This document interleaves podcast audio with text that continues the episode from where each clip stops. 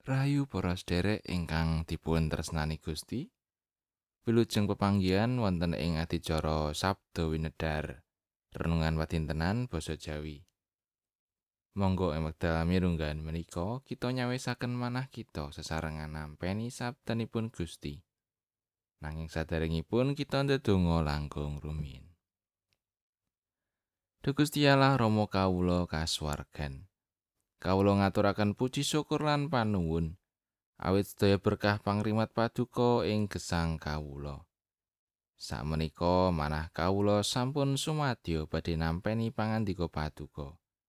Mugi roh suci paring pepadang. Paring kasagetan anggen kawula nampeni lan nindakaken kersa paduka. Matur nuwun Gusti. Tasih kathah dosa kalepatan kawula mugi Gusti ngapunteni. Sedaya pasambat lan panyuwunan kawula menika. Kawula unjukaken ing asmanipun Gusti Yesus Kristus. Amin.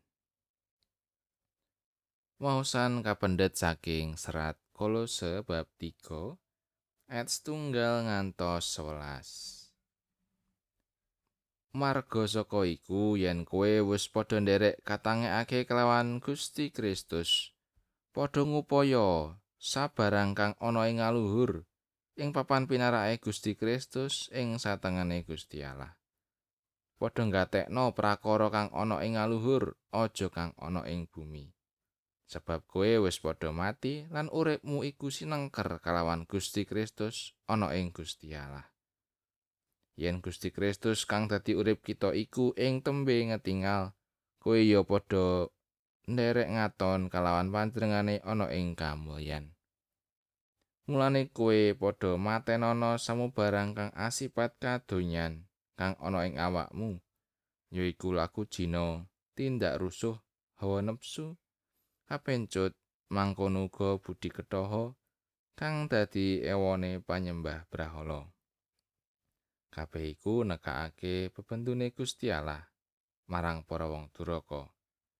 Ing maune kowe iya padha nglakoni mangkono iku nalika kowe isih padha ngraketi marang iku. Nanging saiki kabeh mau buangen, yaiku nepsu, brangasan, piolo, pitenah, lan tembung-tembung saru kang kawetu saka cangkemmu. Aja nganti kowe padha goroh gineroan maneh. Marga kowe wis padha ngrucat kamanungsan lawas sapratingkae. Lan wis ngrasuk kamanungsan anyar kang tansah binangun supaya oleh kawruh sanyata kang miturut citrane kang nitahake. Ing kono wis ora ana wong Yunani utawa Yahudi wong tetakan lan wong ikutan wong barbar utawa wong skit batur tukon utawa mardika. Nanging Gusti Kristus iku kang ngabei lan ana ing samubarang kabeh Makatan panggantikanipun Gusti ayat nat saking ayat kali. Padha ngatekno prakara kang ana ing ngaluhur, aja kang ana ing bumi. Ing setunggaling wekdal Pak dosen mlebet kelas kalian ngasto ember. Lajeng mendhet selo ageng, krikil, wedi lan toya.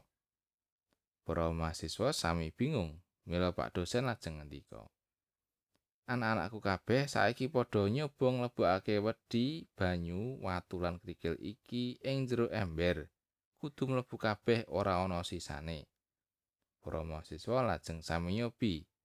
Wonten ingkang mlebetaken toya rumiyin lajeng sela, wonten ingkang mlebetaken wedi rumiyin. Sedaya mboten wonten ingkang saged mlebetaken tanpa sisa ing ember menika. Lajeng Pak dosen ngendika, kang kudu diprioritaskan kuwi barang sing gedhe dhisik. Pak dosen majeng mendhet sela dipun lebetaken ing ember, lajeng krikil, wedi lan pungkasanipun toya. Sedaya saged mlebet.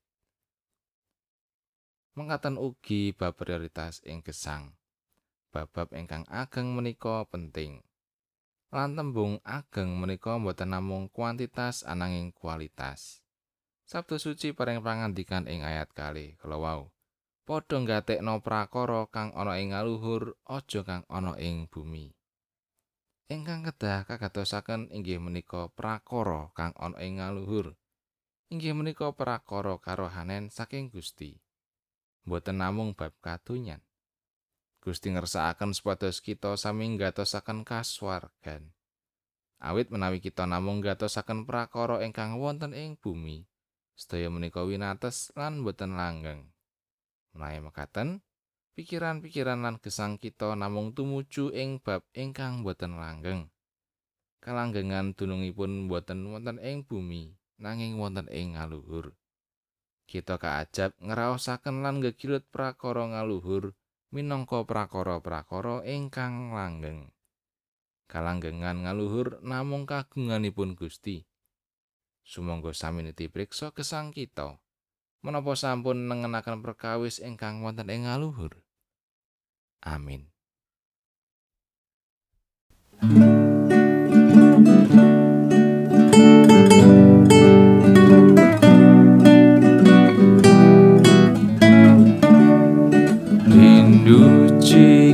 Gusti kang nitaken jagat siang ratri tan kendat ganjar siramat haleluya sagung puji dan sakunjo Gusti.